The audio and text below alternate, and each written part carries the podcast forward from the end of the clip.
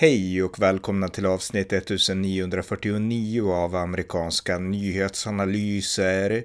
En konservativ podcast med mig, Ronny Berggren, som kan stödjas på swishnummer 070-30 28 95 0. USAs president Joe Biden talade igår inför FNs generalförsamling. Här några klipp. When it comes to China, I want to be clear and consistent. We seek to responsibly manage the competition between our countries so it does not tip into conflict. I've said we are for de risking, not decoupling with China. We will push back on aggression and intimidation and defend the rules of the road, from freedom of navigation to overflight to level economic playing field that have helped safeguard security and prosperity for decades. But we also stand ready to work together with China on issues where progress hinges on our common efforts. Nowhere is that more critical than accelerating the climate crisis, than, than the accelerating climate crisis. We're working with our partners to address Iran's destabilizing activities that threaten regional and global security and remain steadfast in our commitment that Iran must never acquire a nuclear weapon. Certain principles of our international system are sacrosanct sovereignty, territorial integrity, human rights. These are the core tenets of the UN Charter. Yet, for the second year in a row, this gathering, dedicated to peaceful resolution of conflicts, is darkened by the shadow of war. An illegal war of conquest brought without provocation by Russia against its neighbor Ukraine. Like every nation in the world, the United States wants this war to end. No nation wants this war to end more than Ukraine. And we strongly support Ukraine in its efforts to bring about a diplomatic resolution that delivers just and lasting peace. But Russia alone, Russia alone bears responsibility for this war. Russia alone has the power to end this war immediately. And it's Russia alone that stands in the way of peace because the Russia's price for peace is Ukraine's capitulation, Ukraine's territory, and Ukraine's children. Russia believes that the world will grow weary and allow it to brutalize Ukraine without consequence.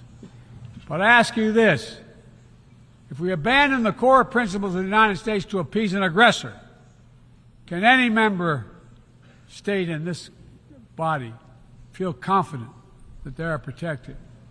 If we allow Ukraine to be carved up, is the independence of any nation secure? I'd respectfully suggest the answer is no. We have to stand up to this naked aggression today and deter other would be aggressors tomorrow. That's why the United States, together with our allies and partners around the world, will continue to stand with the brave people of Ukraine as they defend their sovereignty and territorial integrity and their freedom. Här samtalar jag med journalisten Pelle Zackrisson om talet. Varmt välkomna. Pelle Zackrisson, välkommen. Tack. USAs president Joe Biden, han talade igår inför FNs generalförsamling. Har du några tankar kring talet som jag vet att du har sett? Ja, eh, jag sammanfattar att det är egentligen två delar av talet. Det inleds med att han pratar om eh, klimat, klimat, klimat och eh, hur USA då vill utöka FN och ja, alltså en, att man ska samarbeta. Sen har han en andra del när han kommer in på Rysslands aggression mot Ukraina. Mm. Så att det är egentligen två, två delar i talet. Ja, precis. En utrikespolitisk del och en del där han pratar om allt annat. Och det intressanta var just FN, därför att eh, han föreslår ju Biden en utökning av FNs säkerhetsråd. Och FNs säkerhetsråd har ju fem permanenta medlemmar eh, och eh, han vill se en utökning. Så att eh, vart det ska landa och så, det är intressant. Men han, han betonar ju i det här talet att FN ligger till grund för institutionerna som byggdes upp efter andra världskriget och de har stabiliserat världen, de har lyft världen ur fattigdom, ur sjukdom och så vidare. Och eh, Eh, vi måste fortsätta arbeta på det här samarbetet, alltså fortsätta utveckla FN och utveckla de globala institutionerna, inte minst för klimatet. Så att det är ju en del av det talet. Men det jag tyckte var mest intressant, jag vet inte om du vill återvända till just klimat och sånt, men det var ju det han sa om utrikespolitik. Därför att eh, han pratar om Kina, han pratar om Iran och han pratar om Ryssland. Ja, och eh, han gjorde också, han jämställde ju Israel och Palestina i en, och eh, det här, det här snacket som har varit från Biden tidigare om att det är liksom en bedrock relation, att det finns en särskild relation med Israel. Det tycker jag inte återspeglades överhuvudtaget i det här talet. Så att det, mm. det, här, det här starka stödet som Joe Biden har liksom påstår att han har gett till Israel. Det, nej, det, det tycker jag lyste med sin frånvaro.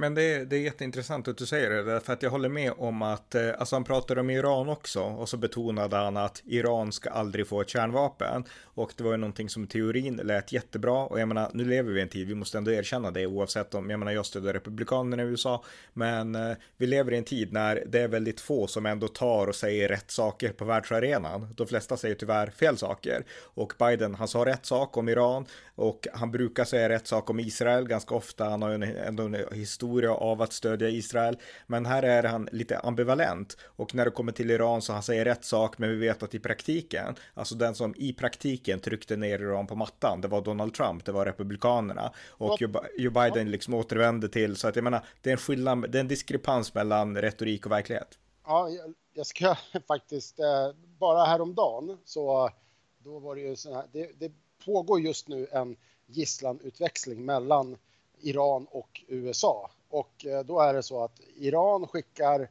eh, Iran, iranier-amerikaner till USA som har blivit fångatagna och eh, så skickas det då från USA iranier till, till Iran. Men det är också så att USA fri, frisläpper, tillåter då iranska, iranskt kapital som finns, ja jag vet inte, men det är någon bank någonstans i världen det är motsvarande 60 miljarder kronor så låter man eh, Iran åter få tillgång till de här pengarna. Och mot att Iran då har lovat att det här ska gå till eh, humanitära insatser. Eh, direkt när pengarna har blivit tillgängliggjorda, då har ju Iran sagt detta. Vi kommer använda det till vad vi vill. Mm. Och bara för att koppla då till FN-talet. Jag har då satt mig ner och lyssnat på Donald Trumps näst, hans andra tal i FN. För då kommer han nämligen in på Iran och då säger han det att vi kan aldrig låta Iran få pengar och finansiera och eh, han pekar verkligen ut Iran som en storskurk. Han säger också att iranska folket lider under regimen. Och han säger egentligen alla de rätta sakerna och det är, det är ju lätt att glömma bort. Många i Sverige har en bild av Donald Trump som en, eh, en kuf, en, eh, liksom att han var omogen, eh, liksom utrikespolitiskt. Eh, men han lät eh, erfarna utrikespolitiska rådgivare sköta utrikespolitiken och just det talet är extremt bra kontrast till eh, Joe Bidens tal som han höll då. Mm. Nej men det är intressant, jätteviktigt att säga det också. Vi har också en svensk som är i samma situation, den här svenska EU-diplomaten, jag har glömt namnet på honom, men han har suttit 500 dagar fängslad i Iran och eh, de verkar ju vilja att Sverige också ska byta ut honom mot, eh, alltså mot iranska fångar här och så vidare. Så att eh, det här verkar vara en taktik som Iran använder och det här går ju på tvärs med USAs klassiska policy, we do not negotiate with terrorists. Och, Nej, och, ja. och det är också så här att USA Mike Pompeo var, blev intervjuad häromdagen. Han sa det, vi lyckades ju få, vi lyckades ju få fångar frisläppta utan att betala för det. Mm. Utan att liksom kapitulera. Men nu är det ju så att alla amerikaner eh, som reser utanför USAs gränser får ju i praktiken en prislapp på sitt huvud. Alla de här skurkstaterna vet nu att eh, Biden-administrationen, de är beredda att slanta upp. De är beredda att göra eftergifter. Och det här är ju eh, ja, alltså det är ju någonting man har gjort. Man har ju valt att göra det här och det är, det är ju anmärkningsvärt. Men mm. om vi ska återvända då till, till Bidens tal. Mm. Jo, precis. Nej, men det här är, det här är en del av Bidens tal. Jag menar, det är intressant då att om Israel så är han, eh, där tonar, tonar han även retoriskt ner det här eh, liksom unilaterala stödet till Israel. Om Iran, han säger rätt sak, Iran ska aldrig få kärnvapen, men i praktiken så förhandlar han med terroristregimen i Iran och, och sådär och, och så. Men två andra länder där jag tycker han var bättre och det visste jag att han skulle vara. Dels var det Kina, för där har Biden, precis som Republikanerna, det är ju stenhårt fokus nu på Kina och Biden sa att vi vill inte ha ett krig med Kina utan vi vill liksom att konkurrensen ska fortsätta sådär men vi kommer, alltså han sa ju indirekt vi kommer att stödja Taiwan. Han sa ju till Taiwan men han sa indirekt att liksom då får Kina får inte liksom eh, liksom företag liksom flyger in i andra zoner och så vidare. Så han var, han var bra i Kina och sa att vi vill samarbeta om klimatet men Kina måste ändå liksom, de måste inse att man måste respektera territor territoriell integritet ungefär. Så det tyckte jag var bra. Och sen ännu bättre med Ryssland och där är ju demokraterna rätt ensamma nu för republikanerna har tyvärr bytt spår. Ehm, och där var han ändå tydlig med att samma sak där, territoriell integritet, eh, det är ett illegalt krig från Ryssland och eh, Ukraina måste stå på sig och vi liksom, Ryssland är ensamma ansvariga och eh, ja, vi måste backa Ukraina. Det tycker jag var bra. Nej, jag tycker ju att han var svag när det gäller Kina faktiskt. Alltså, han pratar om att eh, man vill inte, not the coupling with China, vi, vi är för de-risking och han vill se en, en medtävlande, medtävlandeskap med Kina och, eh, och jämför, jämför det då med hur Trump uttryckte sig. Han sa det. China virus. ja, nej, men inte bara, men när han höll sitt tal i, i FN, då säger han att ja, min, min gode vän Xi, eh, jag har stor respekt för min gode vän Xi, men det här handelsavtalet som vi har, det, det, det är värdelöst och, och de ska inte få lura brallorna av oss ungefär. Så att han, å ena sidan sa då Trump att ja, men jag gillar honom, men de är de är liksom arslen som inte ska få köra över oss. Så visst, nu ska vi liksom, eh, nu ska de få känna på amerikansk, eh, amerikanskt stål. Mm. Och det var liksom på en helt annan typ av retorik. Men, men, men där skulle jag säga att där är det nog liksom i personligheten. Alltså jag tror att Biden, han har det språket, han vill liksom använda det språket oavsett vad han pratar om. Men där så kommer Biden ändå att lägga styrka bakom orden på ett sätt som kanske är ännu tyngre i praktiken än hans ord. Medan Trump där, han hade retoriken och absolut styrka bakom orden. Men jag vet inte om det skulle vara mer styrka i praktiken än när Biden på något sätt sant, kanaliserar. Så att jag tror att gällande Kina så tror jag att Biden är tuffare än han låter. Därför att Biden har inte personligheten, alltså han dundrar ju inte på som Trump gör liksom. Så att, eh, ja, du förstår min poäng. Mm. Ja, absolut. Eh, och sen när han pratade om Ryssland, då tycker jag det starka där, det var att det är enbart Rysslands ansvar. Mm. Det här är enbart Rysslands ansvar att, eh, och, och liksom lägger de ner konflikten eller invasionen imorgon, då är det fred. Det var ju hans poäng. Och, och sen Sen tycker jag att... Exakt, om, att, att freden är Rysslands ansvar liksom. Exakt. Mm. Och, och, där, där var han ju väldigt tydlig. Och, och där känns det som att det, det, var på något sätt...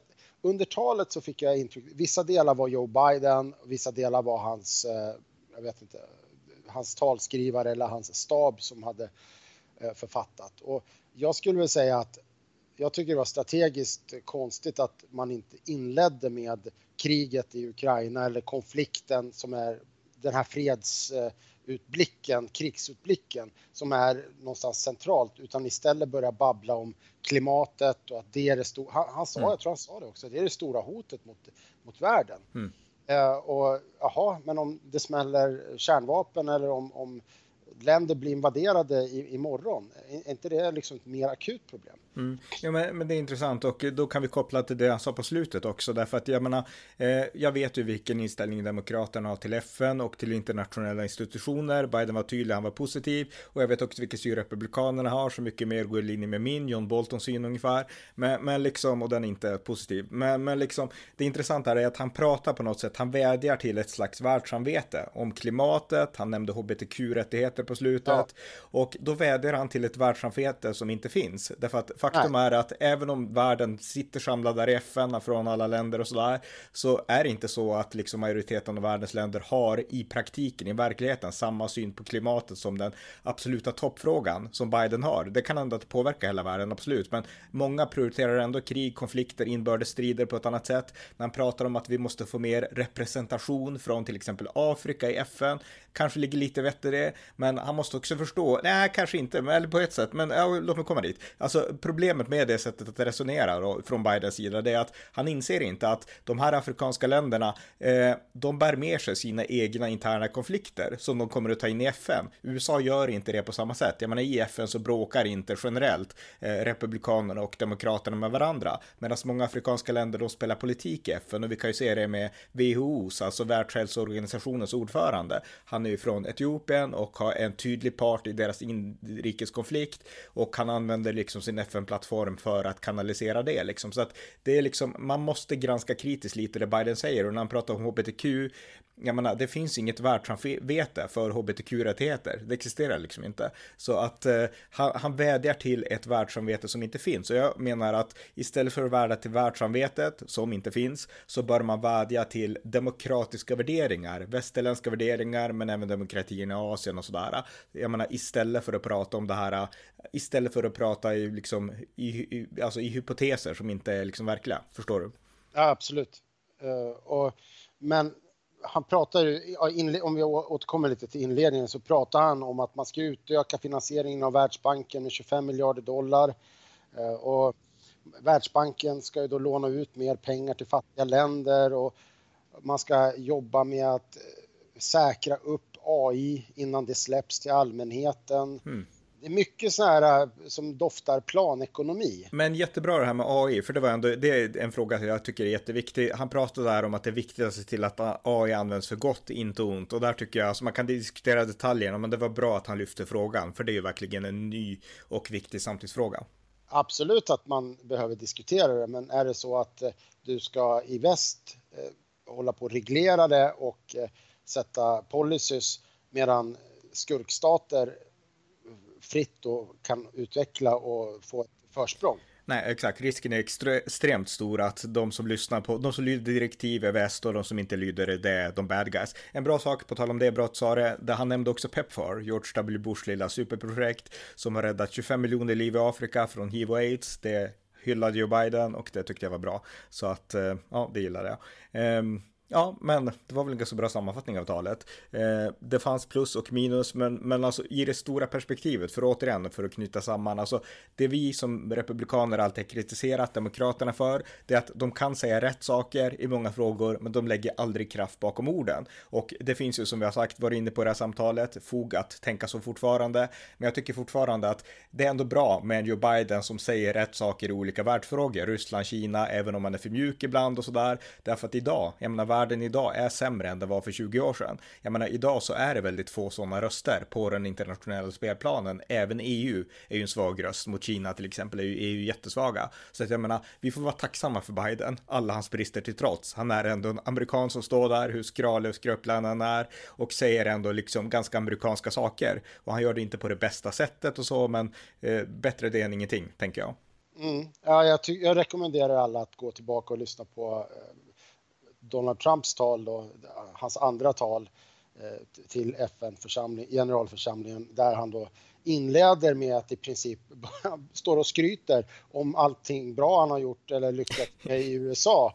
Och då, ah, man sitter ju och undrar varför pratar han om amerikansk inrikespolitik och sänkt eh, eh, liksom att sänkt arbetslöshet, för det är sånt han tar upp. Och så säger han också så här att ja, USA har, vi har en starkare och större militär än någonsin.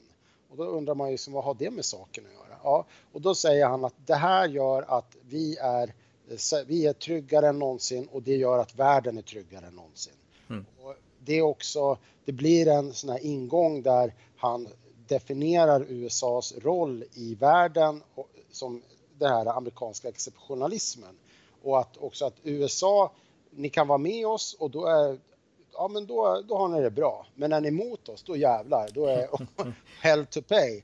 Och, och, det är en typ av eh, amerikansk exceptionalism som inte Joe Biden representerar. Du kan säga vad du vill, men den, den, den Joe Biden hörde inte jag talet. Jag håller med om det, jag håller helt med om det. Och sen kan jag säga också, det är intressant om Trump anknyter till att eh, liksom när USA är starka inrikespolitiskt, då är vi också en styrka utrikespolitiskt. Den kopplingen var jätteintressant. Så att, eh, ja, men jättebra. Tack för kommentarerna. Tack Pelle.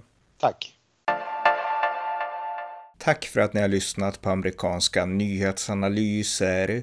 Det konservativa alternativet i det vänsterliberala svenska mediebruset som kan stödjas på swishnummer 070-30 28 95 0 eller via hemsidan på Paypal, Patreon eller bankkonto.